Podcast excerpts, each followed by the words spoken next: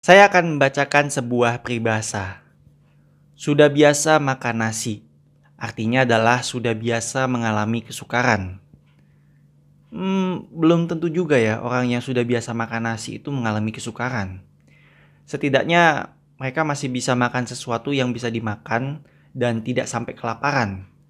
Daripada sudah biasa makan sesuatu yang seharusnya bukan untuk dimakan ya kan, kayak besi, keramik, kaca, atau bahkan sudah biasa tidak makan, itu justru lebih sukar lagi. Apalagi yang sampai kenyang makan garam, itu lebih sukar lagi ya.